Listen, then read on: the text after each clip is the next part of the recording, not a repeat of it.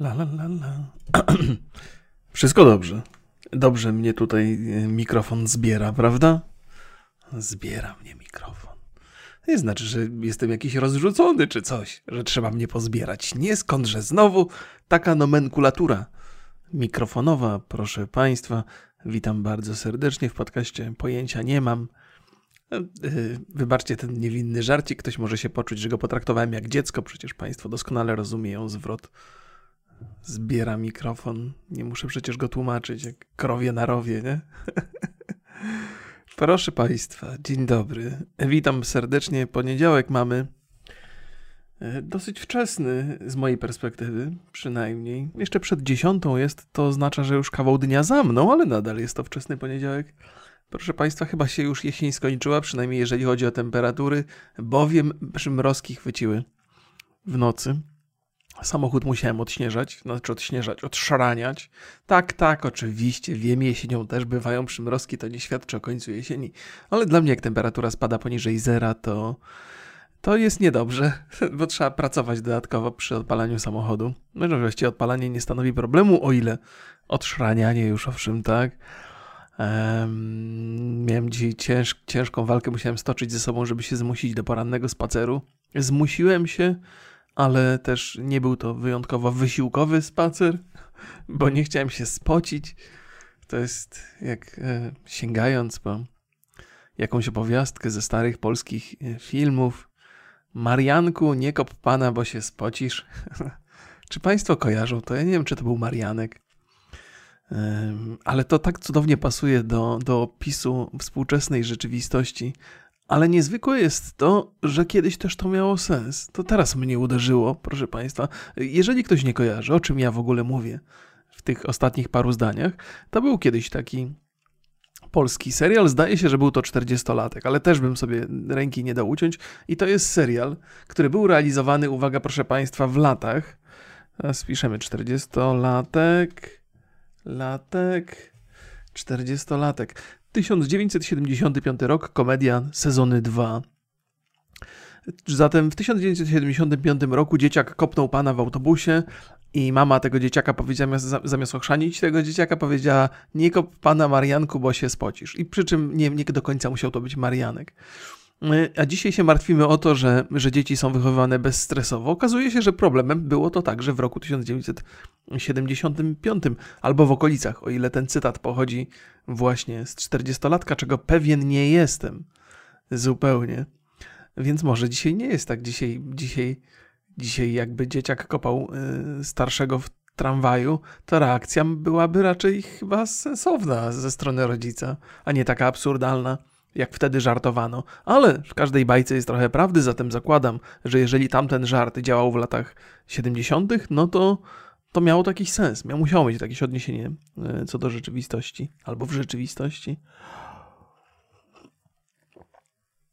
Tytaniczną kawę sobie dzisiaj wykonałem i z wielką przyjemnością ją wypiję. Być może w Państwa towarzystwie, być może trochę po podcaście, bo z czasem, z gadulstwem moim całkowitym zapominam o popijaniu kawy. Mm, a to przecież ogromna jest przyjemność, prawda? Mm, miałem dobry wstęp dzisiaj i go zmarnowałem. Nie, nie, nie zmarnowałem. Zastąpiłem go czymś zupełnie przypadkowym. Nie spodziewałem się natomiast wstępu prawdziwego. Wyleciał mi z głowy zupełnie. Mm, więc y, idąc dalej, idąc dalej potokiem moich y, wątpliwej jakości albo wątpliwej E, nadwyżki. Nie, nie, niepotrzebnie buduję takie skomplikowane zdania. Chciałem powiedzieć Państwu, że opowiem historię e, rzeczy, które mi się przydarzyły ostatnio. Nie były one przesadnie ekscytujące, jak to w wieku 44-letniego youtubera, e, być może podcastera, już dzisiaj powinienem powiedzieć, ale jakieś tam były i są moje, więc będę je opowiadał z pewną przyjemnością. Byliśmy z rodziną w górach. Część tych historii trochę opowiedziałem na podcaście z Borysem, zatem wybaczcie mi Państwo te ekshumacje to jest, jak Borys używa jakiegoś specyficznego wyrazu określającego tego, że ja opowiadam dwa razy tę samą historię i wyraził swój sprzeciw, e, bym tego nie robił na podcaście Roki Borys, więc tego nie robię, zatem tej e, ekshumacji dokonam tylko i wyłącznie tutaj, ale to jest historia z dzisiaj, więc ona nie jest już tak pochowana dawno, nawet powiedziałbym, że jest wciąż ciepła e, i będzie rozwinięta trochę. Ale bez, bez szczegółów. Byliśmy, byliśmy z żoną w górach w takim ekskluzywnym hotelu w Szklarskiej Porębie. Nie pamiętam, jak ten ekskluzywny hotel się nazywa. Być może będę mówił o tym hotelu rzeczy przyjemne, więc, więc bym pewnie zareklamował, ale z drugiej strony będę mówił też rzeczy nieprzychylne, więc ktoś mógłby się poczuć urażony i dotknięty. Ja tam nikogo nie chcę dotykać w żaden sposób, e, e, bo nie taki jest mój cel. Dotykanie ja nie z tych. W sensie, Boże drogi, teraz muszę rozwijać kolejną myśl. Proszę Państwa, otóż Pewnym problemem w współczesnym internecie jest właśnie ta konieczność, a wręcz potrzeba dotyku. Dużo niechęci, nienawiści i przesadnej sympatii jest wyrażane w komentarzach, i wynika to właśnie z tej potrzeby, żeby dotknąć drugą osobę w jakiś sposób, żeby to, co piszemy w internecie, tak daleko od tej osoby, do której piszemy, jakiś miało na nią wpływ. Rzadziej zdarzają się rzeczy pozytywne, kiedy chcemy komuś zrobić tak komentarzem dobrze, tak bardzo dobrze. To się zdarza, oczywiście jest bardzo przyjemne, ale rzadziej się zdarza niż głosy niechęci. Otóż najlepszą drogą i najszybszą drogą do dotknięcia kogoś w internecie jest napisanie mu czegoś niemiłego i można mieć nadzieję, a wręcz pewność, że jeżeli to adresat odczyta, to zostanie poruszony, dotknięty w sposób jakby psychologiczny bardzo, ale jednak. I to ciekawe jest, bo tego typu badania nad, nad koniecznością dotknięcia drugiej osoby w internecie, o ile się orientuję, Pewnie były toczone różnymi, różnymi e, drogami, więc ja nie znam wszystkich, natomiast znam jedno takie badanie, które moja mm, wykładowczyni psychologii na mojej uczelni dziennikarskiej, o którym mi opowiadała i sama przeprowadzała, to dotyczyło e, gier PvP, albo w zasadzie gier, w których można się zabijać, ale nie jest to e, głównym tematem rozgrywki już wciągam Państwa w, w, w growe rzeczy, sięgając totalnie po dygresję i sięg- o, o, o, tym dotyku mówię, Boże, ja muszę wrócić do, ale już, już, już, już, już odzyskałem równowagę, dobra. Więc kontynuując tą historię Pani psycholog, więc badanie polegało na tym, e, dlaczego ludzie robią sobie krzywdę w grach, chociaż nie muszą tego robić, bo to są gry, które, na przykład gry MMO, że jest wielu graczy, bawią się tam niezależnie, ale są tacy, którzy uwielbiają atakować innych. Z czego to wynika?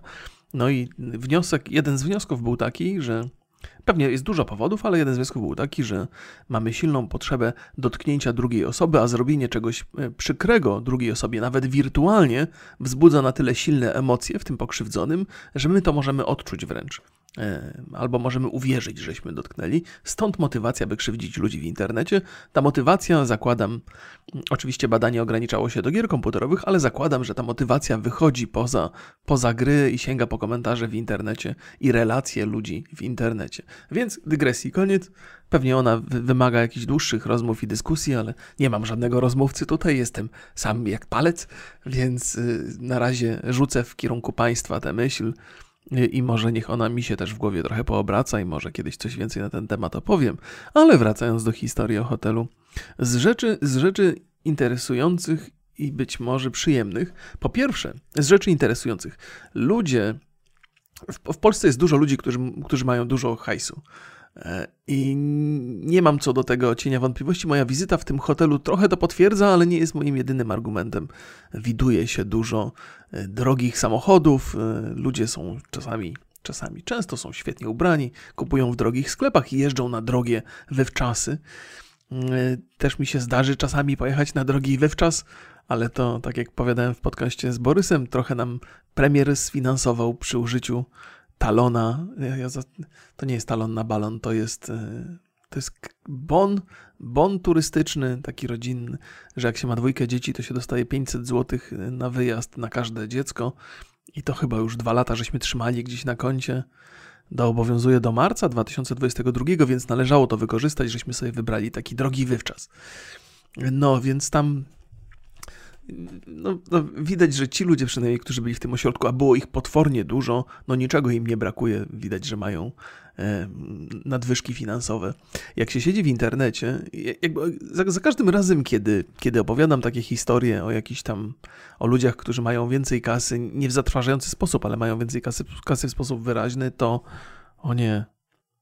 Ale dobrze, już przestraszyłem się, że paczki nie odebrałem, bo nie było mnie w, przez trzy dni we Wrocławiu, ale okazuje się, że dopiero teraz paczka przyszła, więc spoko. Nawet się cieszę, jak paczka przychodzi, bo mogę, mam dodatkowy mm, powód, żeby pójść do paczkomatu i odebrać ją. Boże, przepraszam za te, za te chaotyczne rozmowy. Ja tak, tak z reguły taki jestem, e, ale czasami bardziej niż zazwyczaj. Dzisiaj jestem chyba taki bardziej chaotyczny. Wracając do opowieści e, dotyczącej hotelu i, i, tego, tej bogatości. W internecie ciężko się mówi o tym, że coś się kupiło i że to kosztuje dużo, na przykład, nawet jeżeli się na to zapracowało uczciwie, bo mm, ludzie atakują, nie? próbują nas, twórców, trochę dotknąć e, w ten wspomniany wcześniej sposób, mówiąc, że jesteśmy odklejeni, oderwani od rzeczywistości, bo, bo nie wiemy, jak ludzie słabo zarabiają. Wiemy, nie? No jakby zawsze się opisuje trochę swoją rzeczywistość, ta rzeczywistość w naszej bańce i być może ludzi, jakich spotykamy. Akurat ten weekend był taki, że odniosłem wrażenie, że spotkałem wielu ludzi majętnych, nie jakoś przesadnie majętnych, tak powiedziałbym, że to jest taka górny poziom e, klasy średniej i że bardzo dużo jest takich osób, co dobrze świadczy o klasie średniej w Polsce. W ogóle mm, na ten temat też wiele dyskusji można by toczyć. Chyba jest y, generalnie przyjęta taka teoria, że y, w kraju, w którym dobrze się dzieje, klasa średnia jest największą klasą, że jest, że jest najwięcej takich takich ludzi, którzy sobie nie najgorzej radzą finansowo. Oczywiście ta klasa średnia też pewnie jest rozwarstwiona, bo są tacy, którzy sobie radzą dużo lepiej, są tacy, którzy sobie radzą tylko trochę lepiej, ale kwalifikują się do tej klasy średniej. Oczywiście w państwach, w których ta klasa najmniej zarabiająca jest największa, jakby tylko w ramach teorii mówię, nie, nie, nie wskazuję tutaj palcem ani w, w, stronę Polski, ani jakiegokolwiek innego kraju. Więc jeżeli ta klasa najmniej zarabiająca jest największa, no to jest, mm, no to jest jakaś tam dysproporcja, która niedobrze świadczy o, o, o sytuacji w kraju. Ale nie jestem ekonomistą, to są tylko zasłyszane historie, bo przecież pojęcia nie mam. E, no, więc takie odniosłem wrażenie, że tam na bogato, na bogato było, było w tym ośrodku. I była świetna obsługa, bardzo profesjonalna, fajne wnętrza, recepcja, wyśmienita jadłodalnia, bo tak to nazwać należy. Nie restauracja, ale jadłodalnia. E, świetne śniadania, świetne obiady, kolacje, naprawdę bardzo dob dobrze przygotowane posiłki. Mm, I nie powiedziałbym takie jakieś wykwintne, trochę w ramach kuchni domowej, ale zrobionej tak naprawdę z polotem. Plus oprócz tego, tej jadłodalni była także restauracja, gdzie, gdzie można było sobie drinka wypić i też te drinki były bardzo dobre. Żeśmy raz z żoną sobie poszli wieczorem, jak nasze dzieci już zasnęły. W zasadzie nasza córka zasnęła, nasz syn jeszcze siedział na telefonie i grał w grę. E, no więc poszliśmy sobie na drinka, żeśmy sobie wypili e, po drinku jakieś tam takie soczki, koktajle czy coś. Bardzo to było smaczne, a ja oprócz tego zgrzeszyłem trochę i sobie wziąłem tosta w tej restauracji i ten tost był tak dobrze zrobiony.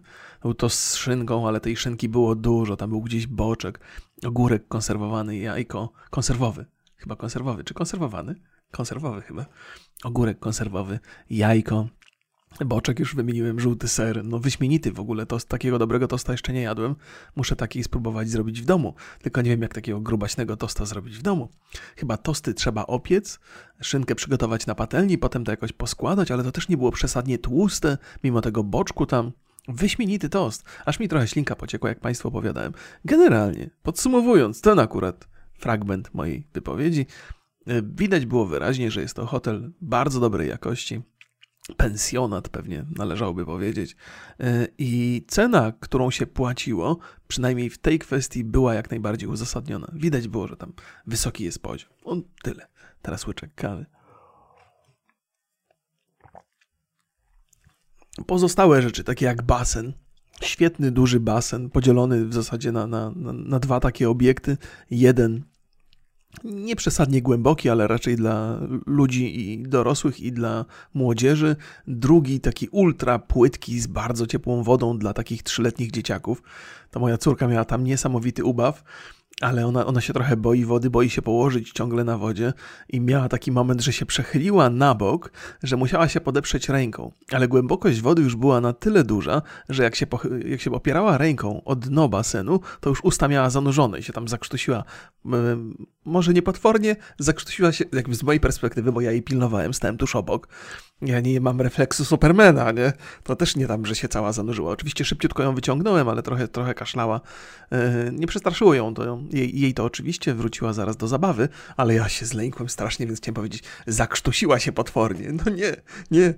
Jeszcze jakby moja żona usłyszała, ja, ja jestem, y, ja mam strasznego fioła na punkcie y, obserwowania dzieci i to nie w tym sensie, że im nie pozwalam na nic, pozwalam, ale jestem bardzo spięty, jestem jak, jak gepard, jak, jak lampart, jak puma sprężony do skoku, żeby, żeby od razu ratować, gdyby coś się działo. Jestem skoncentrowany, rozglądam się jak soku polujący na, na zwierzynę, nic nie umknie mi, Poza tym, że córka się potknęła w basenie.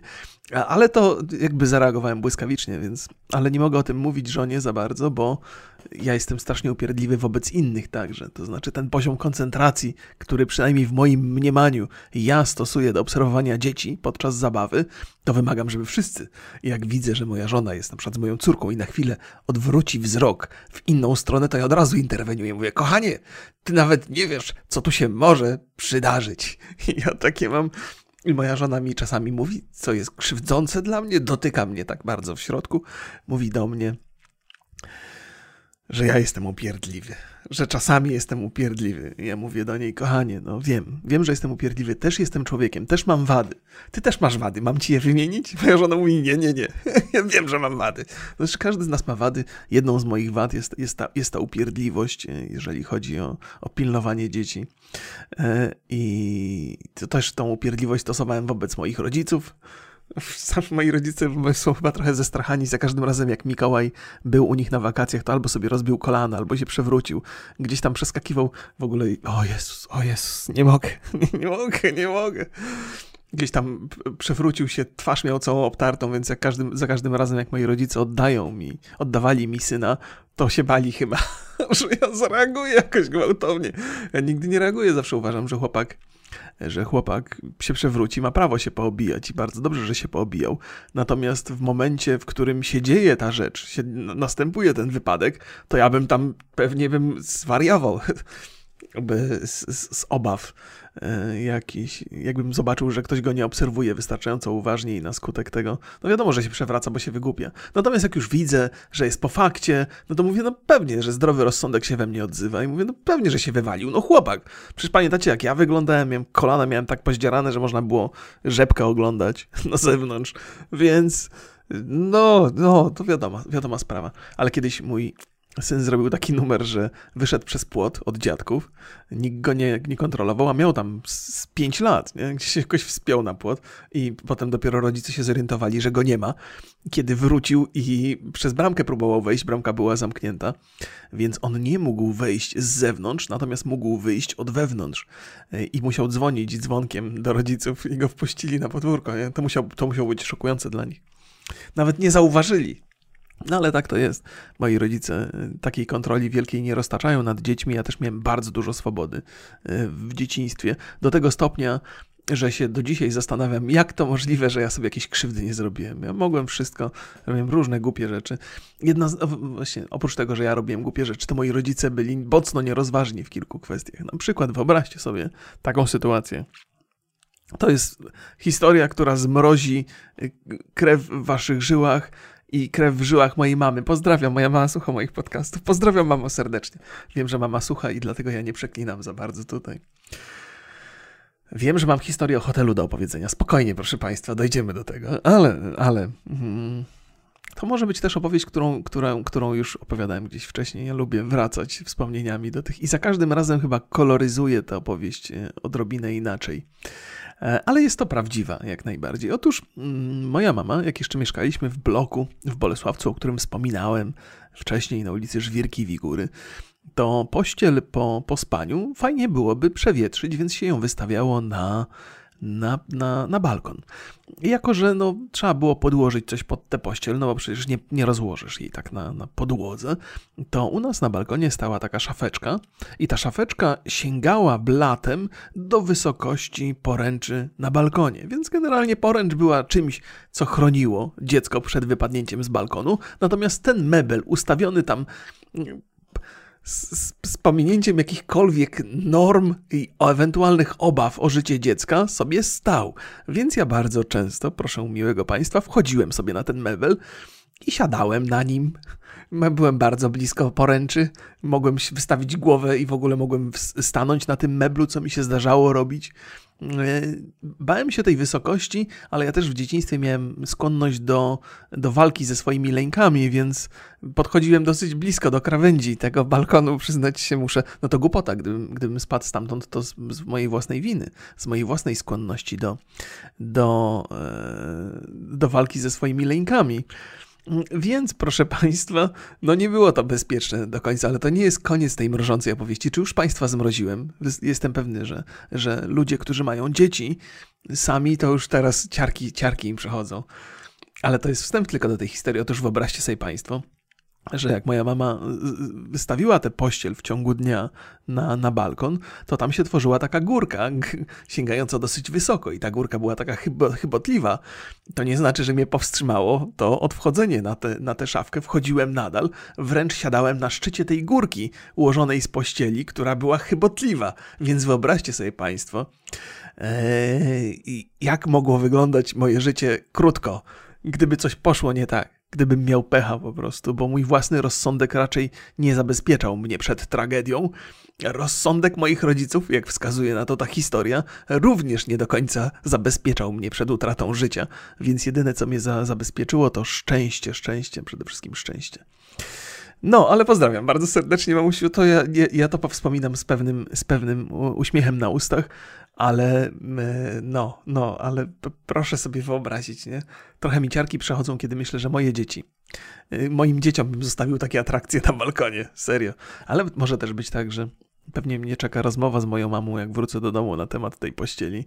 Każdy z nas pewnie pamięta to inaczej, moi rodzice pewnie pamiętają to zupełnie inaczej. E, no, ale to powiem Państwu jeszcze tak, by podkreślić pra prawdomówność moją. Otóż e, ta pościel, ta pościel była wystawiona na tej szafce regularnie, a ja byłem pierwszą osobą, która wracała do domu ze szkoły i to tak w zasadzie od wczesnego wieku, jak miałem 7 lat, miałem klucze do domu, wracałem, no i mogłem sobie robić co chciałem więc y, no, okazjonalnie właziłem na tą pościel, ale też zdarzyło mi się robić ognisko w domu.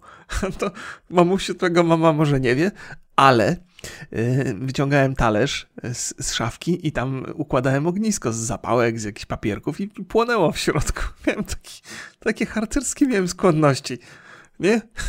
No, więc, więc takie rzeczy. To także nie spaliłem domu również. Potem oczywiście ten talerz trzeba było umyć bo zostawały na nim czarne ślady ze spalenizny, ale, ale się, ale się e, uda, udawało mi to z reguły. Raz tylko miałem taką delikatną wpadkę, bo rodzice znaleźli spalone zapałki, e, paczkę zapałek w, w tym w, w śmietniku i zaczęli zadawać pytania na temat tego, jak to się stało, ale jakoś się wybroniłem, nie drążyli wystarczająco mocno. Więc e, no, takie, takie miałem urozmaicone dzieciństwo, muszę powiedzieć. Pomijając już fakt, że masę czasu spędzałem poza domem i tam robiłem jeszcze gorsze i głupsze rzeczy, e, więc proszę Państwa, jedynie przypadek i odrobina szczęścia zadecydowały o tym, że dzisiaj Państwu ten podcast nagrywam, mógł to robić ktoś zupełnie inny. Albo nie robić wcale. Ale wracając do mojej opowieści o hotelu, w 23 minucie tego podcastu dzisiaj, chaotycznego niezwykle, nadzwyczaj może w ogóle to, jak, jak chciałem też przypomnieć Państwu, że ja mam mail. Ostatnio nie czytam Państwa wiadomości za bardzo, dlatego że jestem samolubny i mam tyle historii do opowiedzenia, że mi się nic więcej nie mieści. Ale piszcie, ja y, mój mail, zaraz go sprawdzę. On chyba brzmi, nie, nie będę Państwa mylił. E, to jest, bo to jest specjalny mail na okazję tego podcastu. Też nie mam pojęcia, bez polskich znaków, małpa gmail.com. Piszcie, opowiadajcie swoje historie. Tam do, do, do, od czasu do czasu, od czasu do czasu trafiają jakieś, jakieś wiadomości różne, ale możecie mi napisać, co żeście głupiego robili w swojej młodości. E, I to, to mogą być ciekawe historie, więc, e, więc poczytam, poczytam, obiecuję. No, ale wracając do wspomnianego ze cztery razy hotelu. Yy, więc ta pełna ekskluzywność tam widoczna, blichtr, yy, błysk i, i bogatość yy, w tej takiej skali, wyż, wyższej skali średnio zamożnej części społeczeństwa był tam jeden problem. Znaczy, obiekt jest tak ogromny, tam jest tyle budynków dookoła i ciągle ich przybywa, że ilość ludzi, z jakimi się stykałem w każdym momencie po wyjściu z pokoju, była jakaś skrajnie absurdalna. Czyli macie jakiś taki totalny komfort mm, i, i ten, i, i jakość tego obiektu, a ludzi jest tyle, jakbyście się wybrali do supermarketu w godzinach szczytu i w tych jadłodajniach, i, w, i na korytarzach, i na basenach, i w pokojach zabaw dla dzieci. Tłumy straszliwe. I to trochę przeczy tej całej idei pewnego luksusu. To znaczy, o ile towarzystwo ludzi poza przy wyjazdach wakacyjnych jest czymś, co przyjmujemy z radością, o tyle nadmiar ludzi jest chyba czymś, czego nie szukamy. Y, podczas wyjazdów. Chyba chcemy też sobie od ludzi odpocząć. Jak mówię, nie tak totalnie, bo miło jest spotykać ludzi w restauracji, przywitać się z kimś z, tymi samymi twarzami rano, jakoś poznać tych ludzi, zwłaszcza na dłuższym wyjeździe, ale żeby tak być zawalonym towarzystwem innych ludzi, to jest, to jest niespotykane. I to ciekawa jest w ogóle idea, bo, bo hotele tego typu powstają w górach i w różnych miejscach w Polsce atrakcyjnych turystycznie, jak grzyby po deszczu. Natomiast ten cały luksus i, i te, te całe tłumy y, ludzi jakby przeczą sobie nawzajem, że jedno z drugim się nie, nie, nie, nie ma szansy współgrać. A mam w ogóle wrażenie, że że ludzi jest tak zastraszająco dużo, że w samej Szklarskiej są tłumy i to już o tej porze roku. I, i, I na trasach turystycznych są straszne tłumy. Żeby znaleźć miejsce parkingowe pod jakąś atrakcją turystyczną, nie ma szans. Trzeba walczyć o to miejsce, trzeba się modlić, żeby je znaleźć. A w ulice są wąskie, nie ma za bardzo pola do manewrów, nie ma pola do, do, do, do nawracania. Więc z jednej strony ogromna przyjemność z, z odwiedzania miejsca fajnego, z, z takiej odrobiny luksusu, które trochę na nas skapnie od czasu do czasu, a z drugiej strony ciągłe stresy mm, o, wynikające z nadmiaru ludzi, z, z tego tłoku na ulicach, na, na, na, w samym obiekcie. I myślę, myślę że, to, że to się ze sobą kłóci. Ja bym bardzo tylko to też jest taki, taki problem, że fajnie pojechać do obiektu, w którym jest basen, że można popływać, pobawić się z dziećmi, odwiedzić coś turystycznie i, i zjeść coś dobrego. Tylko najwyraźniej. Kurde, tak sobie myślę, że, że gdyby obiekt był mały, to nie byłby w stanie tyle zarobić i by nie było stać tam e, właścicieli na takie, takie luksusy. Nadużywam trochę wyrazu luksus, żeby wszystko było jasne. To nie jest taki, wiecie, luksus, że wsiadam do swojego prywatnego samolotu i lecę gdzieś tam na Karaiby albo gdzieś, nie wiem, na Sycylię zjeść w jakiejś ekstra restauracji. Nie, to, to, to wiadomo, że są ludzie, którzy też tak żyją, nie? Więc, więc to, jest, to jest zupełnie inny poziom. No, ale w ramach takiego myślenia e, klasy średniej to, to, było, to, to było dosyć luksusowe miejsce. No, może mniejsze miejsce kosztowałoby dużo drożej, bo trzeba by na jednym kliencie więcej zarobić, a tu jest tak trochę hurtem, tak trochę właśnie e, ta, ta ilość ludzi może powoduje, że, że jakoś e, ten luksus się taniej udaje zapewnić. Nie wiem, nie wiem jak to, bo, bo, jak mówię, mam wrażenie, że tam jednak wszystko dosyć drogo kosztowało. Obiad dla trzech osób 270 zł. E, też rozmawiałem z Borysem na ten temat, on mówi, że to jest cena, która dzisiaj w restauracjach, zwłaszcza tych lepszych, jest standardem. Trochę mi to umknęło, muszę przyznać, ja lubię zamówić sobie obiad w miejscu, które jest super smaczne, ale chyba uchodzi za tańsze i za 90 zł to mamy obiad dla czterech osób, więc i to taki naprawdę dobry, nie tam, że tam, och, tam... Nie, no dobry, dobry, okej, okay? na przykład kaczka w jakimś sosie śliwkowym czy coś, nie? To są takie potrawy, które są dobrze robione. Dobrze robione. To Państwu kiedyś opowiem o tym, o tym, o tym miejscu, yy, ale nie chcę już dzisiaj przesadzać więcej smaka. Nie chcę Państwu robić po tej opowieści o toście, grubym toście z szynką. I żeby wszystko było jasne, Moja historia nie jest po to, żeby sobie pomarudzić, że zapłaciłem drogo za wyjazd i mnie, mnie ludzie o, obleźli, bo to w żadnym razie, ja nie narzekam, spędziliśmy fajnie ten czas, ja się zmęczyłem srogo podczas tych marszów i będę dobrze wspominał i ten wyjazd, i to, to doświadczenie. Mówię tak raczej jako pewnego rodzaju ciekawostka i być może obserwacja. Nie, nie, nie, nie, nie, ma to jakiegoś na mnie emocjonalnego wpływu, tylko jestem ciekaw, jak to, jak to ma działać w teorii. Czy takie tłumy trochę nie przeczą y, całej idei. takiego super wygodnego, ekskluzywnego, luksusowego spędzania w, w czasów, czy tam, czy tam weekendów. No, no to, to, to tyle w ramach tej konkretnej historii hotelowej.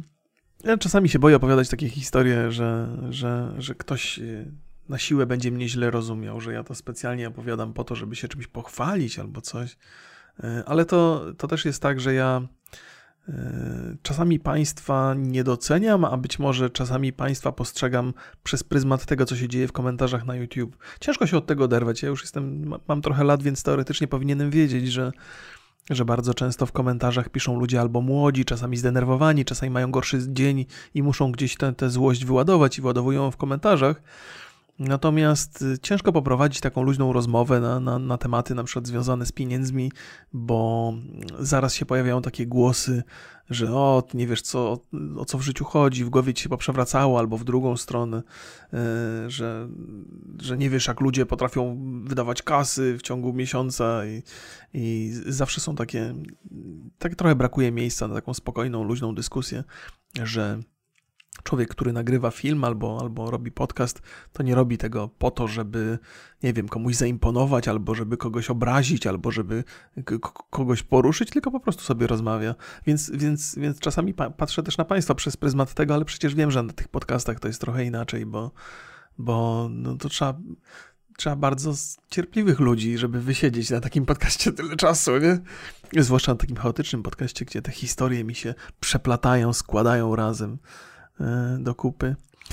E, no dobrze, jeszcze po moje górskie, górskie historie sięgnąć trochę. Więc poszliśmy, poszliśmy sobie na wodospad Kamieńczyka. To jest bardzo fajny wodospad, chyba jeden z największych, o ile nie największy w Polsce. W sensie mówię, że jest fajny, bo jest największy, ale to nie jest jakiś powalający widok. No, być może takich naturalnych obiektów u nas brakuje, jak, jak wodospady. Ja nie mówię, że od razu chciałbym Niagarę zobaczyć, chociaż pewnie chciałbym, mm, ale ten wodospad to tak chlup, chlup. Och, okej, okay, bez sensacji. Nie? No ładne to jest miejsce, ładne. Zbudowali tam takie bramki, jakieś barierki. Mm, przez które tam się wchodzi, jest kolejka i się płaci. Ja stałem oczywiście trochę w kolejce. Powinno być tam wyraźnie wskazane, że dzieci poniżej 5 roku życia absolutnie nie powinny tam chodzić. My byliśmy tam z trzyletnią, prawie czteroletnią córką i się strasznie się bałem e, o nią, że coś się pośliźnie, spadnie, bo to jest, jako że wilgoć tam jest, to schodki są śliskie i i no wiadomo, że rodzic jest głupi i idzie tam z dzieckiem, ale to nie widać z zewnątrz, że to jest takie niebezpieczne. Ja zresztą na ten wodospad chodziłem lata temu i tak długo jak nie było tych zabezpieczeń tam, to miałem wrażenie, że to wszystko jest dostępniejsze, łatwiejsze i bezpieczniejsze do dotarcia. A teraz to. Ale może, się, może jestem w błędzie, może źle pamiętam, może mi się wodospady mylą. Cholera wie. No, no, zrobili te zabezpieczenia i się strasznie bałem, bałem o córkę. Trzymałem ją za rękę, za kaptur, żeśmy szli powoli, ultra, hamując trochę tłum napierający z tyłu. Ale też zobaczyłem, że Wracając, że facet mnie mijał i miał po prostu totalne przerażenie w oczach, bo miał na, na, na plecaku takim z przodu zainstalowane dziecko, takie roczek półtora max i jeszcze w ręce niósł właśnie taką 3-4-letnią córkę, jak, jak, jak moja. Więc on musiał tam, bo wiecie, nie? No, każdy się trochę boi, idąc, że się pośliźnie, nie? Z dwójką dzieci na rękach, pomijając fakt, że to jest ciężki towar, nie? Zwłaszcza córka, która się kręci, musi się rozejrzeć wszędzie. Środek ciężkości ciągle się zmienia, każdy stopień wygląda inaczej, bo idą jakoś tak pod kątem. Jezusie. Więc facetowi współczułem jeszcze bardziej i trochę się poczułem lepiej, e, no bo człowiek zawsze się poczuje lepiej, jak zobaczy, że ktoś ma gorzej, nie? Taka już nasza natura nie wynika ona akurat ze złośliwości, to chyba to chyba nie jest złośliwość. Był taki dowcip, e, był taki dowcip o, o Żydzie, który miał e, dużo dzieciaków e, w domu i w ogóle teściową i żonę i, i, i mnóstwo tych dzieciaków i idzie ten Żyd do lekarza. Nie wiedzieć czemu idzie on do lekarza akurat, ale no widocznie taka cecha tego dowcipu. I ten lekarz mówi mu wiesz co, Mojsze, nie wiem czemu Mojsze, może tak, coś to znaczy. Kup sobie kozę. Ale jak, panie doktorze, po, po co mi koza? Kup sobie kozę, zobaczysz. No i on kupił tę kozę i trzyma tę kozę w domu i, i, i mówi, po dwóch tygodniach wraca do tego lekarza, mówi, panie, panie doktorze, co mi to koz, to mi ta koza, panie, to teraz gorzej jest, dużo. E, I i, I ten lekarz mówi, no, no to teraz sprzedaj kozę. I oczywiście był zadowolony bardzo, bo poprzednio było mu gorzej z tą kozą, a teraz wrócił do stanu pierwotnego. Nie wiem, czy ten dowcip idealnie się wpisowuje, wpisowuje, wpisuje w to, czy to jest, to jest idealna analogia, ale człowiekowi jest źle do momentu, kiedy się nie przekona, że mogłoby być gorzej. No więc być może pasuje do tej opowieści. I dowcip e, to nie jest taki dowcip z rodzaju ha, ha, ha, ha, pośmiejmy się ze śmiesznego dowcipu. Jest tylko taki dowcip pouczający, taka anegdota. E, nie wiem, czy to ma jakąś swoją specyficzną nazwę wracając do dowcipów, myślę, że zamknąłem już swoje historie górskie, a nie, niekoniecznie jeszcze zam, zamknąłem. Dobra, muszę jeszcze wrócić do dowcipów i coś Państwu opowiedzieć. Natomiast, e, e, więc trochę czasu żeśmy spędzili na tym szlaku, no bo z dzieckiem to się powoli idzie, tam taka kamienista jest droga. I żeśmy się zgubili wracając. Jest takie rozgałęzienie prowadzące z, kamień, z Kamieńczyka e, w kierunku jednego parkingu i drugiego i żeśmy poszli w kierunku drugiego parkingu i o ile zejście z góry to było tam 20-25 minut takiej podróży, to okazało się, żeśmy po, totalnie po drugiej stronie ulicy wylądowali. Nawet nie ulicy, powiedzmy, że wzgórza, żeśmy zeszli z niewłaściwej strony i trzeba było drałować na piechotę przez ulicę, żeby tam wrócić. Mieliśmy dwie opcje, albo wracamy pod górę, a na to byliśmy zbyt zmęczeni, albo idziemy asfaltem i na to byliśmy być może nie, nie znaczy, cała rodzina była wystarczająco wypoczęta, żeby iść tym asfaltem, natomiast ja musiałem na barana nieść córkę przez całą drogę. Myślałem, że skonam, ale z każdym krokiem myślałem sobie, dobrze, to jest kaloria spalona, kaloria, kaloria, kaloria, więc jak, jakakolwiek aktywność fizyczna zawsze mnie trochę cieszy, bo, bo, bo cały czas dbam o to, żeby jednak się ruszać i mieć dużo wysiłku, a to był taki wysiłek, który i tak musiałem zrobić, więc to jest taki jak z chorobą, którą, której się nie możesz pozbyć, musisz ją polubić. Nie? To u mnie jest tak z odchudzaniem. No muszę to polubić, bo inaczej no, kto by to wytrzymał. E, więc, no ale to też głupota, żeśmy, żeśmy pomylili ścieżki. Moja żona mówi mi, bo moja żona z synem szli pierwsi więc oni byli mm, tymi wyznaczającymi drogę, ale moja żona mówi, że na tym rozgałęzieniu pytała mnie o zdanie i ja wybrałem niewłaściwą ścieżkę. Nie pamiętam tego, ale może nie pamiętam po prostu i tyle, może tak było. E, już, już doszedłem do wniosku, że jeżeli jest jakaś dyskusja i nie wiemy, kto jest winny, to najprawdopodobniej ja jestem winny. ale to jest to jest, e, to, jest, e, to jest łatwiejsze podejście, bo jak e, próbuję zrzucić winę na moją żonę, to wiem, że nigdy nie dojdziemy do porozumienia, a jak biorę winę na siebie, to wiem, że kłótnia się natychmiast kończy i nie ma jej i sobie rozmawiamy dalej o luźnych sprawach. Więc jestem gotów brać to na klatę i mam wrażenie, że faktycznie ja czasami jestem roztargniony, chodzę z głową w chmurach, bo sobie rozmyślam, co tutaj Państwu na podcaście opowiedzieć. Ja mam tak dużo myśli o swojej pracy, o tym, o tym co robię w internecie, jakoś tam, jak, jak się szykuję do podcastu swojego, albo szykuję się do podcastu z Borysem, to dużo o tym rozmyślam i ja wiem, że trochę tak mam skłonności do błądzenia w chmurach. Zresztą zawsze je miałem, nawet jak byłem dzieciakiem.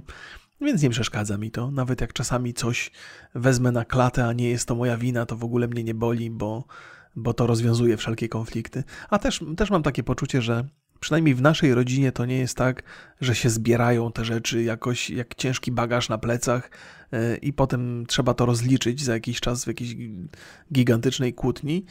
Nie, nie mam, nie mam wrażenia. Mam, mam wrażenie, że to tak, e, że, że to jest, że ja jestem trochę jak ten, e, jak sitko że po prostu dostaje tym, y, się, się, wylewa tę wodę na mnie i ja, ona potem się przepływa przez te wszystkie dziurki i wszystko jest spoko. Jakoś mi to nie przeszkadza. Może moje doświadczenie z internetu jest takie, że, że tak, tak często dostawałem po nosie, czasami z, y, być może nawet miało to sens, że, że, że takie rodzinne kłótnie zupełnie mnie nie dotykają nie mam takiego poczucia, że muszę mieć rację albo coś. Ale to jest w ogóle dłuższa historia, to chyba ona jeszcze z dzieciństwa wynika, to też Państwu opowiadałem. Ale dobra, dosyć, dosyć tych historii o sobie. Y, ja mam, jak każdy zresztą, mam skłonność do y, uszlachetnienia swojej natury za każdym razem, kiedy opowiadam swoje historie i musicie być Państwo na to y, wyczuleni, Ja staram się być na to wyczulony. Każdy, jak opowiada o sobie, to zawsze w takim pozytywnym y, znaczeniu. No chyba, że ktoś ma skłonność do myślenia o sobie źle, ale to już jest problem chyba psychologiczny, który należałoby w sobie zwalczyć. Więc ostatecznie ta drobna skłonność do narcyzmu, kiedy opowiada się o swoich przygodach, nie jest niczym złym. To jest coś, co być może do pewnego stopnia buduje naszą samoocenę i samopoczucie, więc nie mam do siebie jakichś takich strasznych pretensji, ale też zwracam Państwu uwagę, by nie brać tego super serio. E, staram się być pozytywnym bohaterem, ale to niemożliwe, bym zawsze był, prawda? E, tak, więc, więc, więc idziemy dalej. Może, może właśnie już trochę zbaczając z tych osobistych historii i sięgając trochę po to, co się dzieje na świecie, ale jeszcze może, jeszcze wrócę do tego dowcipu. Cały czas moje myśli krążą wokół ostatniego specjalu Dave'a Chappella zatytułowanego The Closer. To jest spe specjal, który mi się bardzo, bardzo podoba. E, natomiast on po raz kolejny to jest taka, taki, taki komediowy specjal, który jest bardzo źle oceniany przez recenzentów, fantastycznie przyjęty przez publiczność. E, Rotten Tomatoes to jest taki serwis, w którym jest to bardzo, bardzo wyraźnie widoczne. Nawet przeszukałem sobie trochę recenzji i znalazłem kilka takich pozytywnych, więc są nadal recenzenci na świecie, którzy się nie boją pozytywnej opinii na temat e, stand-upu, który obraża jakieś grupy społeczne, bo jak co by nie mówić, ten stand-up Dave'a Chappella są ludzie, którzy mogliby się obrazić. Nie? To, to wynika trochę z tego, że mm, może nie mają do siebie dystansu, a może też życie mieli na tyle trudne, że trudno im ten dystans zachować. Ja nie chcę oceniać. Nie? To znaczy, generalnie mam tak, że jeżeli ktoś się obraża, bo coś usłyszał w internecie i bierze to bardzo do siebie, no to trochę jest płatkiem śniegu i, i powinien się wziąć w garść, ale z drugiej strony wiem też, że są grupy społeczne, które doświadczyły dużo złego e, w, swoim życiu. I, I to mocno wpływa na ich ocenę tego typu rzeczy, i mają prawo się pogniewać, Chociaż też uważam, że, że, że jednak trzeba odpuścić, bo należy szanować wolność słowa i nawet jeżeli słyszymy rzeczy złe i nieprzyjemne, to nadal to są, to są słowa i bardzo często nie wskazują nas bezpośrednio, tylko na przykład naszą grupę albo Ciekawe rzeczy tam są w tym, w tym stand-upie powiedziane.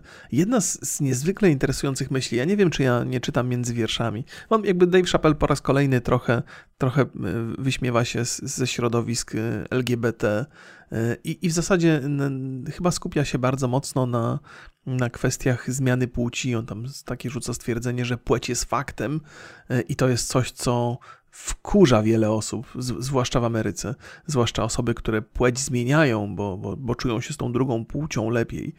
Mm. Ja trochę się zgadzam z Dave'em Szapalem. To znaczy, nie jest tak, że ja tam mam jakąś silną potrzebę nazywania mężczyzny mężczyzną, nawet jak zmieni płeć. Nie mam. Jeżeli ktoś chce, żebym go traktował i uważał za kobietę, to ja mogę to robić. To nie jest dla mnie żaden problem. To, to nie wzbudza mojej, mojej, yy, nie wiem, jak to ładnie powiedzieć, nie wzbudza to moich protestów, żadnych. Znaczy, jakby traktuję biologię jako czynnik y, naj, najbardziej znaczący w ocenie tego, kto jest kim, natomiast jakby w ramach kultury i, i, współżycia jakiegoś społecznego nie mam żadnego problemu, jeżeli ktoś, to nie zmienia rzeczywistości, nie? jeżeli mężczyzna chce być nazywany kobietą albo vice versa, to jest jego prawo, to jest tylko kwestia umowy między nami. Nie mam takiego poczucia, że to narusza biologię, natomiast są chyba takie ruchy i takie skłonności, żeby przeczyć biologii i to trochę y, nie tyle mnie irytuje, co wydaje mi się y, po pierwsze bezpodstawne, po drugie dosyć zabawne, to takie walenie głową w ściany. Nie? Ale to, to jest to a propos tej, tej, tej, tej historii, którą opowiadałem Państwu ostatnio o podnoszeniu ciężarów, że jeżeli mam ją opowiedzieć jeszcze raz? Kurde, no opowiem ją jeszcze raz, bo nie chcę Państwa zmuszać do, do przesłuchiwania tych wszystkich podcastów. Jeżeli jest sobie facet, który jest w stanie wycisnąć na klatę 60 kg i przyjdzie do niego trener i powie mu wyciskaj 120 kg i on powie nie dam rady, yy, chociaż będzie próbował i ten trener mówi no to dobra, to 70, no jest szansa, że on wyciśnie te 70, czyli 10 więcej niż zazwyczaj i tak jest z tolerancją że, że rzeczy, które są y, absurdalne, jeżeli narzucimy na społeczeństwo masę rzeczy absurdalnych, to są w stanie przesunąć swoją granicę tolerancji trochę w odpowiednią stronę. Więc jakby ja rozumiem, rozumiem absurdalność niektórych żądań, niektórych grup społecznych, bo ona powoduje, że ta granica nam się przes przesuwa, co jest o, o, ostatecznie bardzo dobre dla całości społeczeństwa. Więc, więc e, to, ale wracając do Dave'a Chappella, e, to jest, to jest całkiem zacny stand-up i trochę wracając do recenzentów, myślę, że ich opinie wynikają ze strachu, bo jakby o ile samego Dave'a Chappella nie sposób jakby z, jak to się mówi, sens, nie, nie sposób, nie wiem, to nie ma dobrego odpowiednika, nie sposób go poddać ostracyzmowi na Twitterze, to jest takie takie siermiężne powiedzenie. Nie sposób go skasować. O, kasowanie, to jest dobre. Nie sposób skas skasować Dave'a Chappella, bo on jest, mm, no jest, jest ciekawą osobą, nie dba o Twittera i ludzie go zawsze odnajdą i zawsze go posłuchają. Natomiast takiego recenzenta to już można skasować. Więc wydaje mi się, że duża grupa recenzentów mm, to nawet nie jest to, że oni mówią wbrew sobie, ale przyswoili sobie takie opinie, które są E, dzięki którym są najbezpieczniejsi w internecie. To znaczy, to jest też tak, że jeżeli. Jeżeli jesteś zmuszony do tego, by funkcjonować w miejscu, w którym panują bardzo wysokie temperatury i łatwo się poparzyć, na przykład, to po jakimś czasie zamiast walczyć cały czas z tym, mówię, nie, nie chcę tutaj, nie podoba mi się, że tu jest ciepło, nie podoba mi się, że tu jest gorąco, to po jakimś czasie zaczynamy to akceptować, że rozumiemy, że trzeba to polubić i zaakceptować i, i żeby sobie psycho, jakby psychicznie z tym poradzić, nie? Bo, bo, bo ciągłe protestowanie, ciągłe, ciągłe walenie głową w ścianę jest czymś nierozsądnym, więc tak, tak samo ci recenzenci, oni znaleźli się w środowisku, w którym jeżeli wygłosisz opinię niezgodną z trendami na Twitterze, to cię mogą wykosić, to po jakimś czasie naturalnym, podświadomym procesem jest to, że akceptujemy te najsilniejsze opinie na, na, na Twitterze, które są w stanie wpłynąć na nasze życie i zaczynamy je przyswajać, bo inaczej się nie da. Ludzie, którzy walczą z tymi opiniami, jeżeli mają wyrobioną markę, są w sobie w stanie przez jakiś czas poradzić, ale tylko nieliczni są w stanie to przetrwać. Więc jeżeli chcesz być recenzentem, nie wiem, we współczesnej Ameryce, to musisz podzielać najpopularniejsze trendy na Twitterze. Jeżeli jesteś osobowością o ogromnym zasięgu i Twitter ci ani nie przeszkadza, ani nie pomaga, to możesz sobie robić co chcesz. Taki jest Dave Chappelle. Natomiast recenzenci muszą robić to, co Twitter dyktuje i z jednej strony jest to instynkt samozachowawczy, z drugiej strony to podświadome przyzwyczajenie do tego, co tam panuje. Mówię o tym dlatego, ja, ja często, często wypowiadam się na temat e, upadku zawodu recenzenta w każdej możliwej dziedzinie. E, o tyle o tyle trochę rozumiem, z czego to wynika, i trudno mi winić ludzi za to, bo internet jest taką machiną, z którą jednostka sobie nie poradzi. Jeżeli chcesz być inny, wyjątkowy, wychodzić poza, poza, mm, poza to, co jest naj, najmocniejszym głosem na, na najważniejszych social mediach, to, to, to, to cię to przetrawi i, i, i wypluje. To znaczy, te trendy na Twitterze są na tyle silne, że takiego recenzenta, który wygłasza opinie niezgodne z trendami, można wyrzucić z pracy. Można taki nacisk wy, wywrzeć na, na pracodawcę takiego gościa, że się go wywali. Go, nie ma go, nie? No możesz być niezależnym recenzentem, ale jakie masz zasięgi, jakie masz dotarcie, jeżeli wcześniej nie, nie jesteś osobowością internetową czy coś? Au, serce mnie boli. Czy to jest zawał? No nie, nie sądzę, nie spinam się tak jakoś strasznie. Więc to może być taki impuls tylko, żeby zmienić temat albo coś. To jest ciekawy temat. Mm, to jest ciekawy temat. Ja muszę, muszę sobie z kimś e, o tym porozmawiać kiedyś.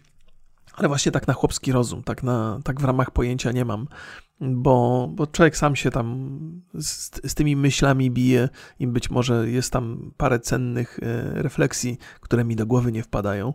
Nie rozmawiamy z Borysem na te tematy, bo on jest zwolennikiem dobierania tych tematów, do których możemy się naprawdę super rzetelnie przygotować. Czyli można przeczytać parę artykułów, można przebadać sytuację. Natomiast te, te tematy dotyczące mm, Twitterów, trendów, y, sił społeczności, osobowości w internecie, walki jednych z drugimi, recenzentów, to są takie tematy filozoficzne, które mm, jakby nie ma tam. Trudno zrobić rzetelny research w tej sprawie. Bo możesz mieć albo taką opinię, albo taką, to jest Twoja opinia zbudowana na Twoich własnych przemyśleniach, natomiast argumenty są właśnie w tej, zawierają się w tej filozoficznej warstwie tego, co Twoim zdaniem przystaje albo nie przystaje w social mediach i w społeczeństwie. Więc to nie są takie tematy, które są mm, które można sprowadzić do. Ja też nie chcę upraszczać naszego podcastu z Borysem Boże, tak, tak zabrzmiałem. Nie, tam jest, tam jest dużo takich swobodnych przemyśleń też, ale to są takie rzeczy, które chyba nie są oparte w rzeczywistości, e, a bardziej właśnie w, w takiej warstwie filozoficzno-psychologicznej. I, i, i, I trudno je wskazać palcem, może. Nie wiem, ale to też dobrze, to dobrze. Ja, ja bardzo lubię to, że nasz podcast jest taki, ten nasz e, Rocky Borys jest bardzo mocno przynajmniej próbujemy, żeby był osadzony w rzeczywistości, w namacalnych rzeczach. Dzięki temu ja mogę sobie tutaj popłynąć, być może, a może też inaczej, może źle na to patrzę. E, o, o stand-upie Stick and Stones żeśmy robili podcast i wydaje mi się, że on był bardzo sensowny. Więc, e, więc nie wiem, nie, nie mam pojęcia. Może powinienem po prostu zaproponować Borysowi ten temat i, i się za bardzo nad tym nie zastanawiać, ale I tu się zgadzam z Borysem, to już byłaby ekshumacja, bo ze dwa razy to obgadywałem tutaj u siebie, więc może nie ma sensu tego, tego poruszać. Czasami brakuje mi tych komentarzy, które są na YouTubie, e, bo wiem, że fajna dyskusja mogłaby się w tym temacie odbywać. Natomiast tak jak mówię, e, motywacje komentujących na YouTubie nie zawsze są czyste. To znaczy nie zawsze wynikają z chęci podjęcia dyskusji, często z chęci y, obrażenia prowadzącego, który śmiał wygłosić tezę niezgodną z moim własnym przemyśleniem.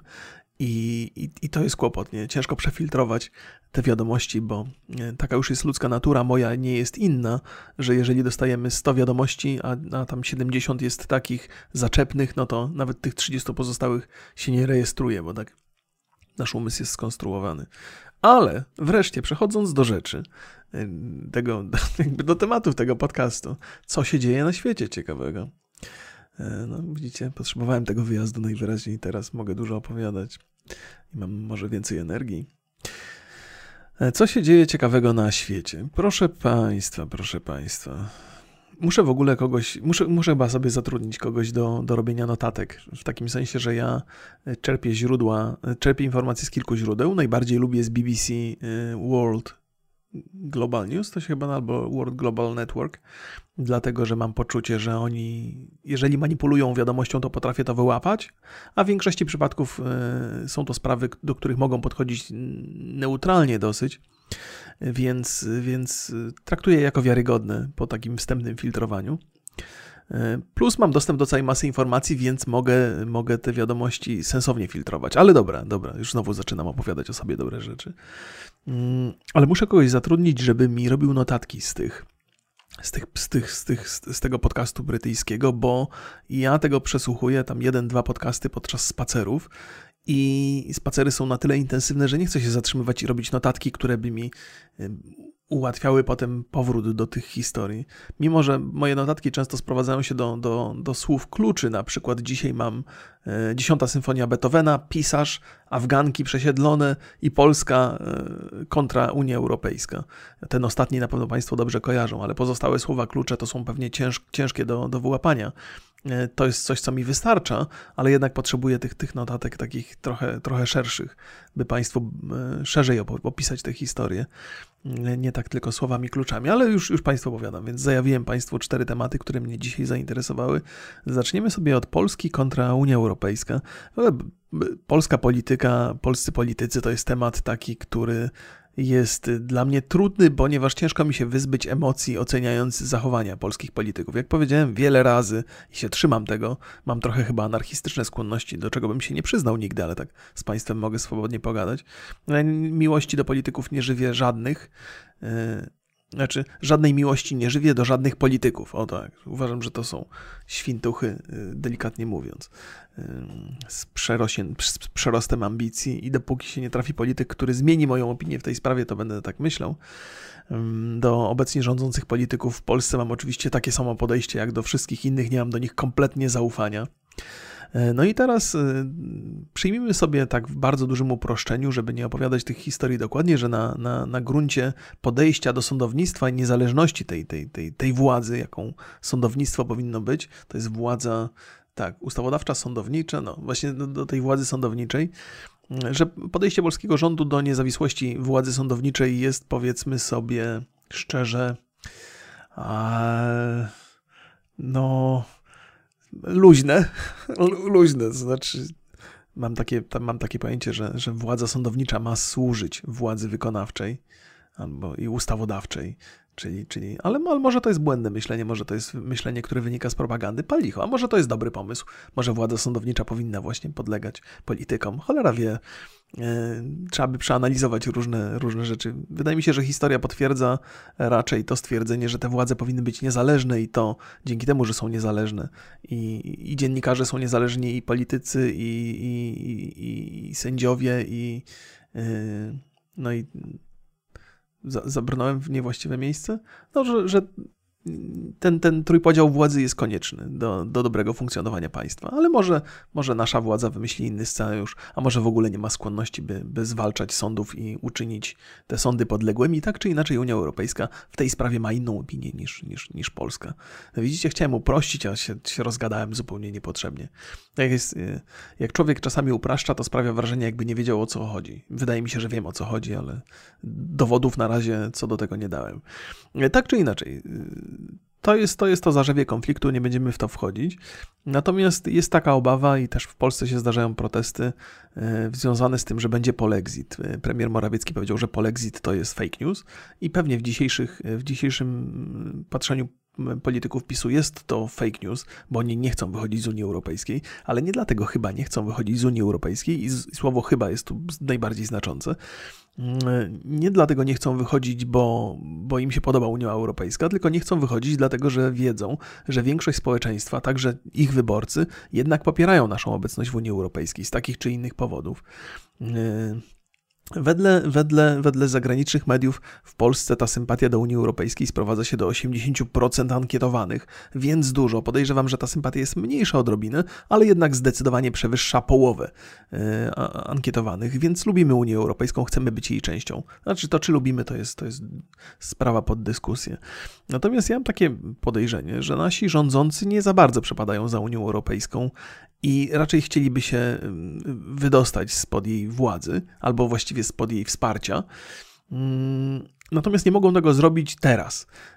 Muszą, to musi być jakiś tam proces, i ten proces to jest coś, co może zająć lata. I ten proces powoli się wprowadza. Te konflikty z Unią Europejską są także po to, by Polaków zniechęcić do tej Unii Europejskiej.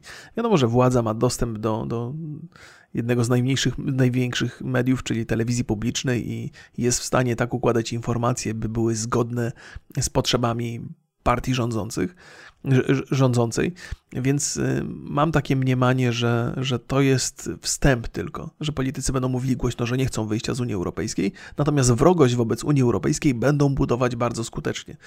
To co do tego możemy być zgodni, niezależnie od tego, czy lubicie władzę obecną, czy nie lubicie. Znaczy, jakby w ogóle wydaje mi się to jak, jak, jakaś szkaradna myśl, że ktokolwiek lubi władzę, no ale pal licho. Zakładam, że różne mamy opinie i potrzeby w tym kraju. Więc mam takie przypuszczenie, że, że to, z czym mamy do czynienia, to jest taki proces. Yy, zniesmaczania Unii Europejskiej rodakom. Powolnego, spokojnego, naszej partii rządzącej nigdzie się nie spieszy, ale że ostatecznie do tego prowadzi. Żeby wzbudzić w odpowiedniej grupie społecznej niechęć do, do Unii Europejskiej, żeby można było swobodnie z niej wyjść, nie narażając się na porażkę wyborczą w najbliższych tych. Więc pewnie tam będą badane te, te nastroje społeczne. Jak niechęć do Unii Europejskiej przekroczy 50%, no to wtedy się w, w, znajdziemy sposób, żeby się tam wydostać z tego. Pewnie nawet nie będziemy musieli szukać takiego sposobu. Więc takie są moje wnioski, wynikające tylko i wyłącznie z intuicji, z niczego, z intuicji i z, z instynktu. Więc wyjście z Unii Europejskiej nie grozi nam zbyt szybko, chyba że Unia Europejska w końcu się wkurzy i powie, no dobra, to, to do widzenia. Ale nie sądzę, bo to Unii, Unii Europejskiej też zależy na stabilności, na, na rozmiarze i na, na, na przyjmowaniu nowych członków.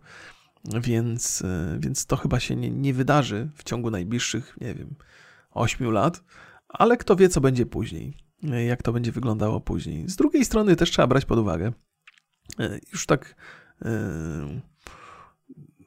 może nie sięgając po zaufanie do rządu, ale, ale też wszystko to, co się dzieje na, na tych szczeblach, najwyższych szczeblach władzy, na tych, to, to jest jakaś taka to jest jakiś, zawsze jest jakiś konflikt, że, że my chcemy więcej, oni chcą nam dać mniej, to jest zrozumiałe, że, że próbujemy forsować swoją własną wizję rzeczywistości, mamy do tego prawo, tak daleko, jak, jak ono nie wybiega jakoś skrajnie poza wizję rzeczywistości Unii Europejskiej, to są zawsze takie przepychanki, to, to jest zawsze przeciąganie liny i ważne jest, żebyśmy dbali o swój interes i chronili swojego interesu. Jeżeli mamy poczucie, że nasz interes jest naruszany w jakiś sposób przez Unię Europejską, to powinniśmy w, w, walczyć o to, by ten interes yy, od, odzyskać, ja wiem, dobrze mówię.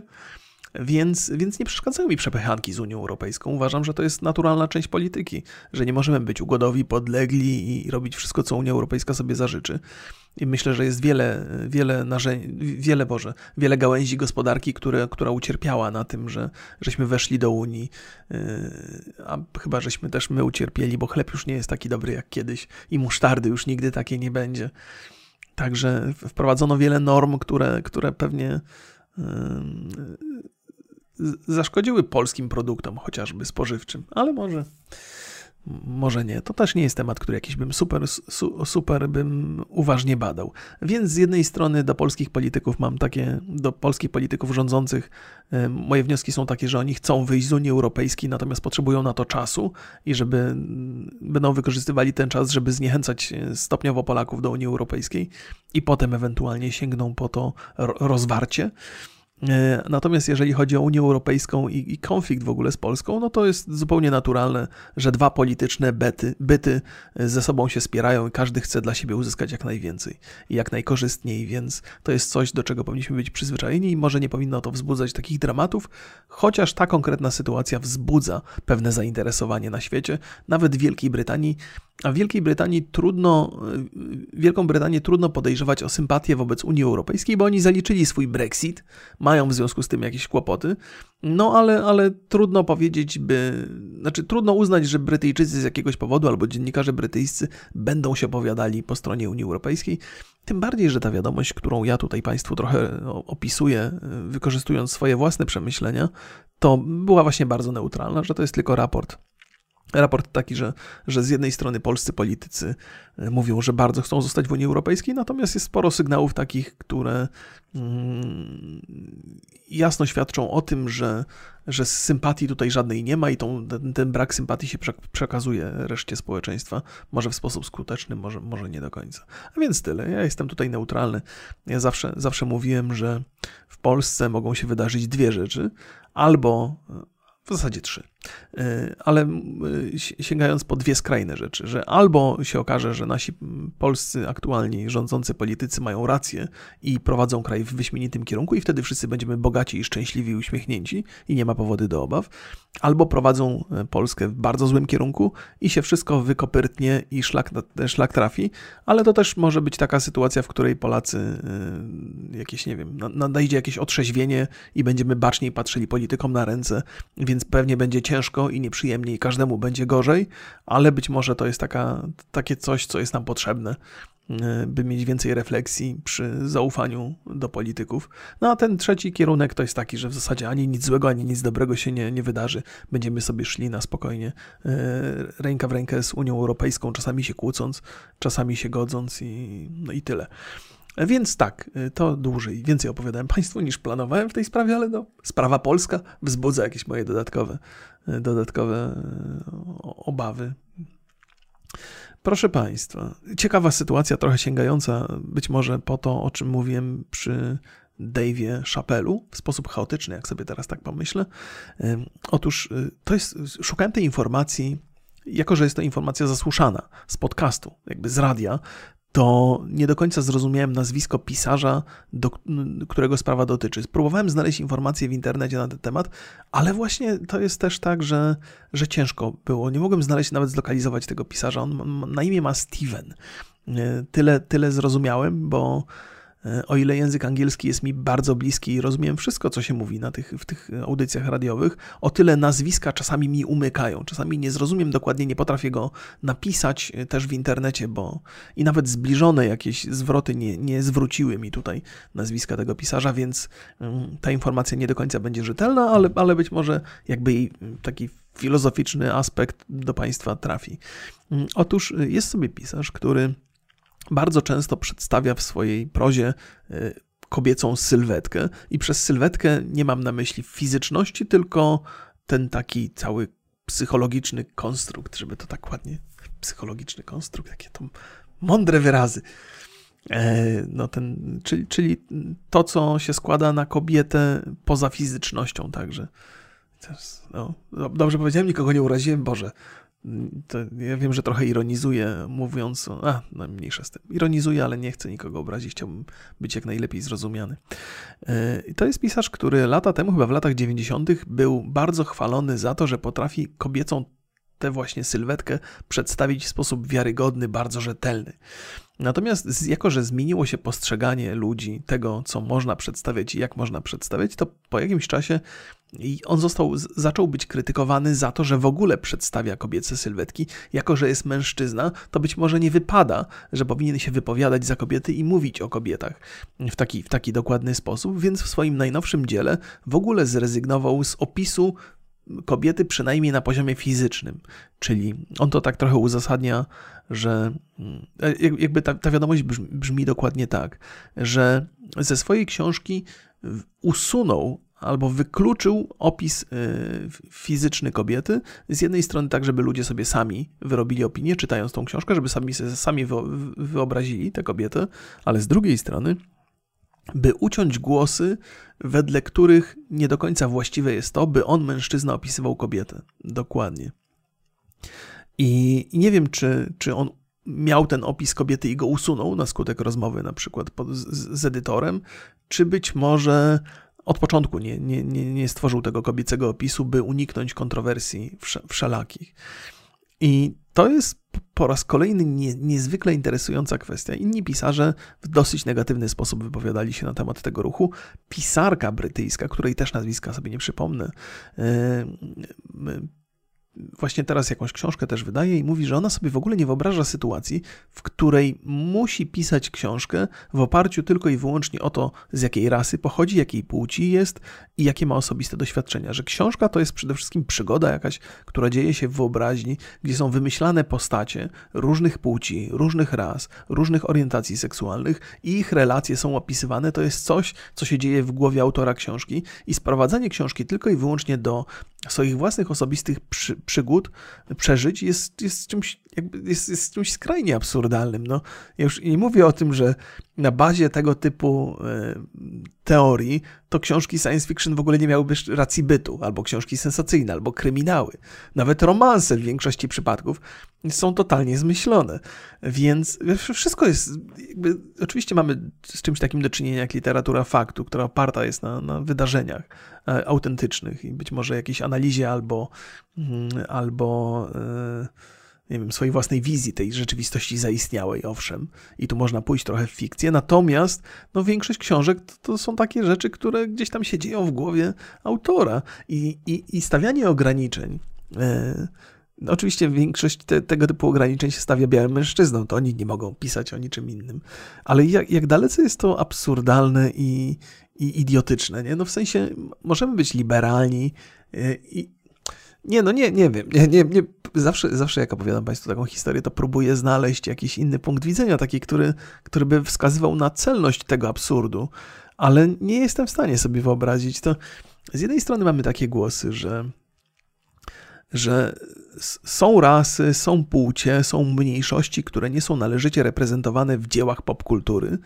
Y, no i okej, okay, i rozumiem to, więc potrzeba więcej jest takich, takich osób, y, ale z drugiej strony pisarzom zabrania się opisywać takie osoby, które są, wybiegają poza ich własną tożsamość. Czyli krótko mówiąc, biały pisarz, biały facet, nie może opisywać przygód, nie wiem, homoseksualisty albo lesbijki, albo nie może opisywać przeżyć wedle tych standardów takich dziwnych, które jeszcze nie zostały stwierdzone, ale już gdzieś trendują. Nie może opisywać przygód czarnoskórego bohatera, no bo to nie są jego przeżycia. Więc y, jakby jak bardzo to się kłóci, nie? nawet na tym poziomie, że Chcemy, żeby bohaterowie różnych, różnych płci, ras i zachowań seksualnych byli reprezentowani w książkach i w dziełach e, filmowych, serialowych, ale z drugiej strony autorom zabraniamy wychodzić poza ich własne przeżycia, doświadczenia i tożsamość. No to gdzie, gdzie tu jest sens? Znaczy, kto ma to pisać? To jest, to jest... No sami rozumiecie, jakie to jest, nie? I pisarz, który ulega tego typu głosom, yy no jest to coś, e, to już świadczy, trochę świadczy o upadku te, tego, nie? Że, że, że tak się poddajemy. Wcześniej opowiadałem Państwu o recenzentach, którzy, którzy wydaje mi się, że podświadomie ulegli tym trendom, które są niszczycielskie wobec nich. E, I tu mamy do czynienia z pisarzem, czyli kimś, kto powinien być totalnie niezależny, ale także jest poddany temu, temu mieleniu, które się odbywa w social mediach. To jest, y, jest to trochę niepokojące, nie? Ale też, też, y, no jest to trochę niepokojące. Nie wiem, nie wiem, co mądrego można, y, znaczy, nie wiem, czy coś można, czy jakoś to sensownie można argumentować, czy, czy to jest kierunek, z którego potem można się wycofać. Cholera wie. A, jeszcze sięgając trochę po, po Dave'a Chappella, chciałem powiedzieć tak że to jest specjal, który się pojawia na Netflixie i Netflix jest bardzo mocno atakowany, że pozwala na treści tego typu. Oczywiście atakowany jest przez określone grupy ludzi, bo jednak większość obejrzała ten specjal oceny, oceny publiczności na Internet Movie Database i na Rotten Tomatoes są bardzo pozytywne w odniesieniu do tego, do tego no, to jakby recenzenci są totalnie oderwani od rzeczywistości, od tego, co, co ludzie lubią, czego chcą posłuchać. E, ale Netflixowi się bardzo zarzuca to, że w tych serialach i w tych wszystkich dziełach, które są publikowane, ta, jest ta, ta przesadna inkluzywność, że jest ta, ta kultura woke. E, nie wiem, jak to po polsku, tych przebudzonych. Nie wiem, czy to. Muszę zobaczyć, jak to w ogóle jest tłumaczone w słowniku. Słownik. Eee... No tu sobie zobaczmy. Angielski woke. Obudził, obudzonych, woken. Eee walk up, walk. To jest, to jest, y, no to chyba to znaczy dosłownie, tylko w języku polskim nie ma to zastosowania, że się, że się przebudzili nagle ludzie i chcą, szukają tej równości. Nie wiem, jak to, jak to, może jest jakieś lepsze tłumaczenie na język polski. No więc się Netflixowi bardzo dużo zarzuca z jednej strony, i to jest tak, właśnie nie można wszystkich zadowolić, że z jednej strony Netflixowi się zarzuca, że, że że w każdym, w każdym serialu muszą się znaleźć przedstawiciele wszystkich możliwych płci, orientacji seksualnych i kolorów skóry, a brakuje tam białych facetów, a z drugiej strony się narzeka, jest druga grupa ludzi, że narzekają, że stand-upy są z, obraźliwe dla jakichś grup społecznych. Nie? No to co myślimy o tym Netflixie? Czy on jest, czy on jest lewacki, czy jest skrajnie prawicowy? No jaki jest? Nie?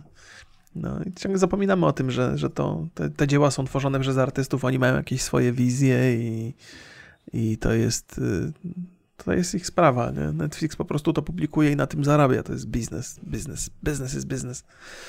Więc, y, więc tak, nie czepiałbym się tutaj Netflixa ani z jednej, ani z drugiej strony. E, Afganki przesiedlone. To też jest ciekawa historia. E, też brakuje mi głosu tych Afganek. E, zaraz Państwu opowiem. Otóż w tych ostatnich 20 latach w Afganistanie trochę zachłyśnięto się wolnością. Oczywiście ona była mocno ograniczona i nie była taka amerykańska w 100% czy, czy europejska, natomiast trochę jej było. Dziewczyny mogły chodzić do szkoły, edukować się, uprawiać sport, słuchać muzyki można było. No i teraz to się zmieniło drastycznie, ale przez te 20 lat to wyrosło zupełnie nowe pokolenie Afgańczyków, którzy już trochę w innym świecie funkcjonowali, nie rozumieją za, za do końca idei talibów i że oni stanowią autentyczne zagrożenie. Jest taka drużyna futbolowa, właściwie 33 zawodniczki z Afganistanu, które grały w futbol i one, jak tylko talibowie przejęli władzę, to no to z jednej strony mm, mnóstwo gruźb się pod ich adresem posypało. E, no i oczywiście zagrożenie życia dla nich i dla rodzin e, tych, tych, tych, tych dziewczyn. No z jakiegoś powodu stanowią zagrożenie dla, dla tej kultury, która ma w Afganistanie teraz panować.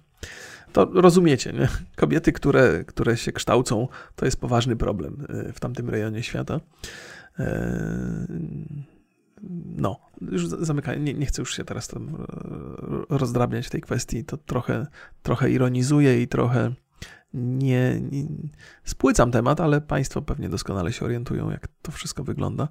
No i te dziewczyny na skutek tych gruźb i właściwie bardzo uzasadnionego lęku e, o swoje życie uciekły do Pakistanu i tam w tym Pakistanie walczyły bardzo mocno o, o, o, to, żeby gdzieś się przemieścić na świecie w bezpieczniejsze miejsce.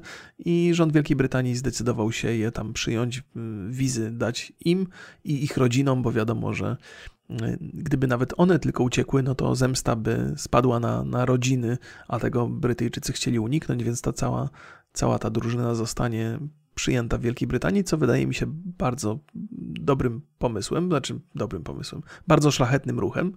Oczywiście szlachetne ruchy ze strony polityków to sprowadzają się do bilansu zysków i strat politycznych, więc z jakiegoś powodu tam przyjemne z pożytecznym się spotkało w tej sytuacji, jeżeli chodzi o brytyjskich polityków.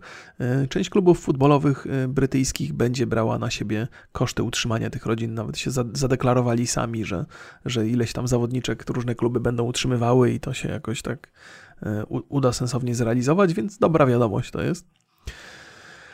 Eee, no, no, no, i dobrze się stało. Zabrakło mi w, tej, w, w, tym reportażu tylko opowieści ze strony tych Afganek, bo ostatni, ostatni reportaż BBC dotyczący, dotyczący sytuacji w Afganistanie, mm, to też Państwu opowiadałem, że kobieta, która, której mąż e, e, w państwie islamskim jako żołnierz służył, nie do końca się tak super pozytywnie wypowiadała na temat e, opinii, jaka panuje na świecie na temat talibów. I wydawało mi się ten, ten, ten artykuł, znaczy ten, ten raport, reportaż wydawał mi się trochę zmanipulowany. Tak, teraz też jestem wyczulony i bardzo bym posłuchał głosu tych młodych Afganek, które, które uciekają z Afganistanu, jakie są ich przemyślenia. No ale one, one są właśnie z tego pokolenia z ostatnich 20 lat, więc y, zakładam, że strach przed utratą wolności i życia jest tam dojmujący.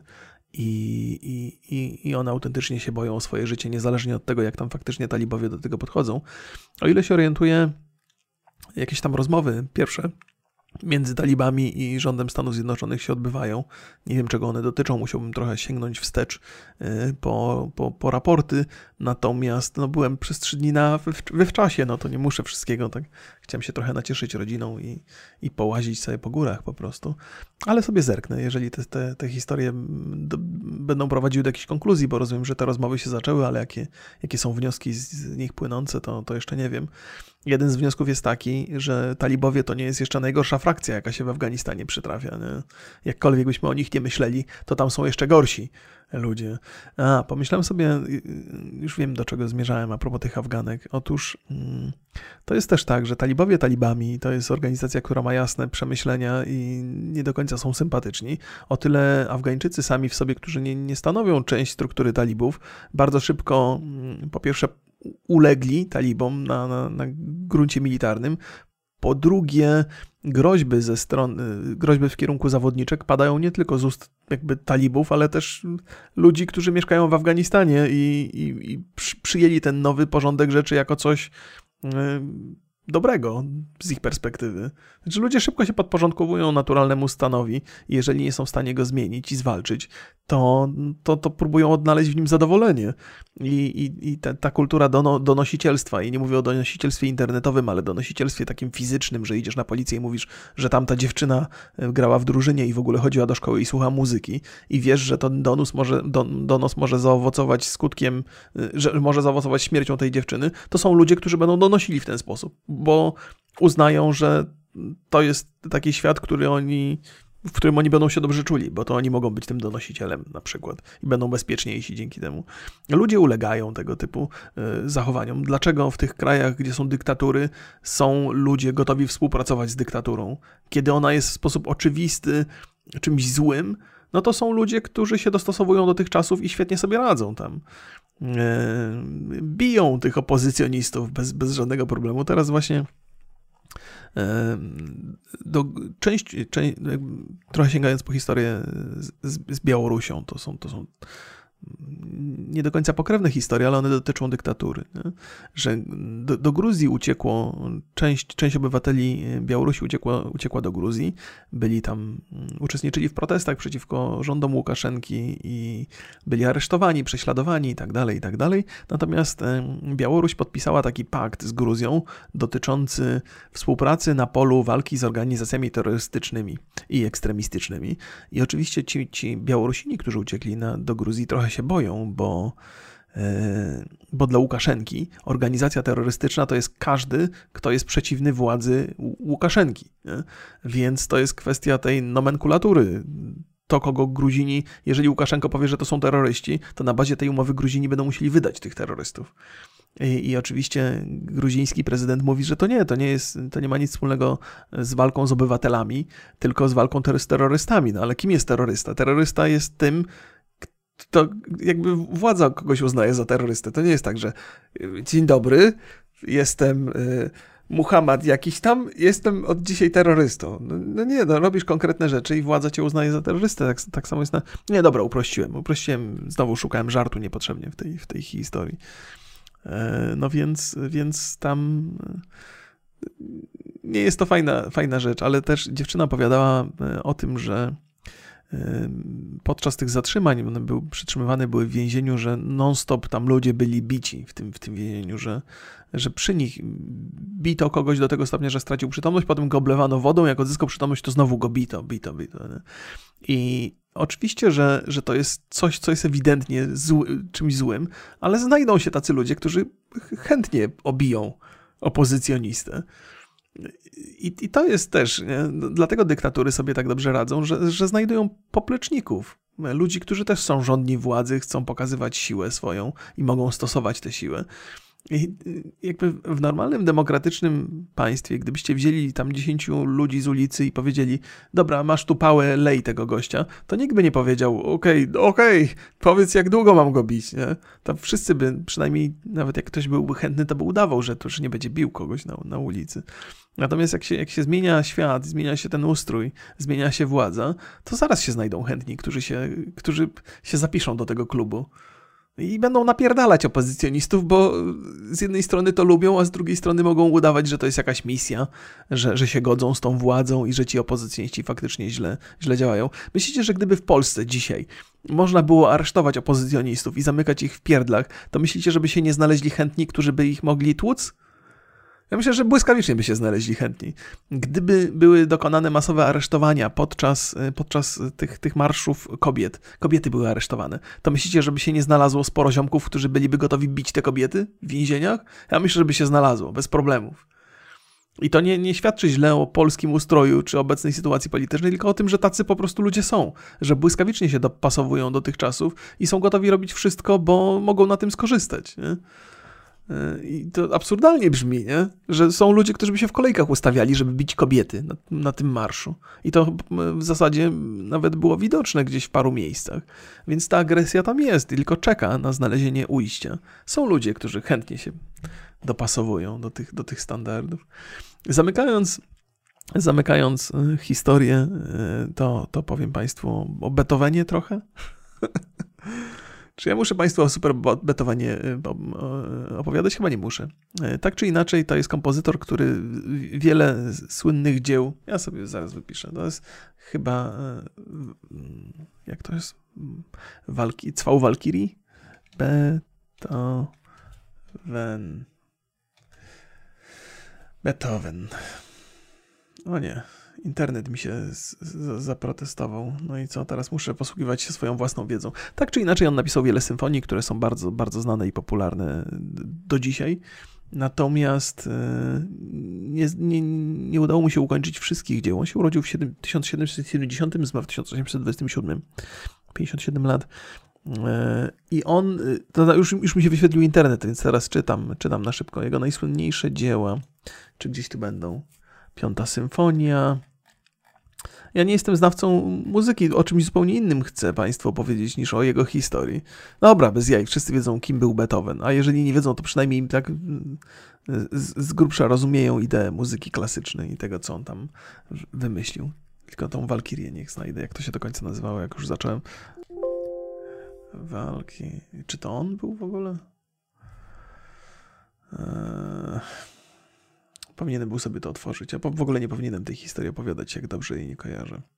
E, znaczy, o betowanie nie powinienem, ale, ale zmierzając do tego, y, on y, pod koniec swojego życia mm, wykonał, wykonał wstępne prace nad dziesiątą symfonią, która ostatecznie nie została dokończona, natomiast było bardzo dużo notatek, jakichś zapisów notowych i, i mnóstwo muzyki, którą stworzył wcześniej.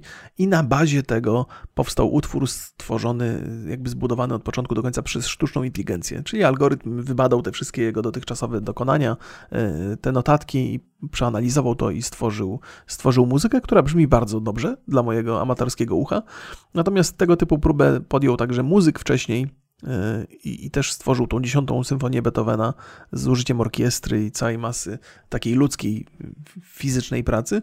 I, I, oczywiście bardzo dumny był z, ze swojego dzieła, ale też pozytywnie się dosyć wypowiadał na temat dzieła stworzonego przez sztuczną inteligencję, opowiadał o tym, że, że, że jest y, bardzo dobrze zachowany rytm, że to jest wierne temu, co tworzył Beethoven, natomiast y, nie jest to połączone w takiej, w takiej formie i w taki sposób, w jaki Beethoven by to, by to łączył. To już jest, to wymaga pewnie wiedzy jakiejś takiej bardziej e, rzetelnej na temat muzyki, zwłaszcza muzyki klasycznej. Ja, nie, nie sposób mi się wypowiadać, e, ale wydaje mi się, że trochę racji jest w tym, bo mimo tego, że ten muzyk stworzył to sam wcześniej, więc może mieć swoje osobiste takie, taką potrzebę, żeby trochę krytykować E, muzykę stworzoną przez sztuczną inteligencję, ale wypowiadał się z pewnym szacunkiem.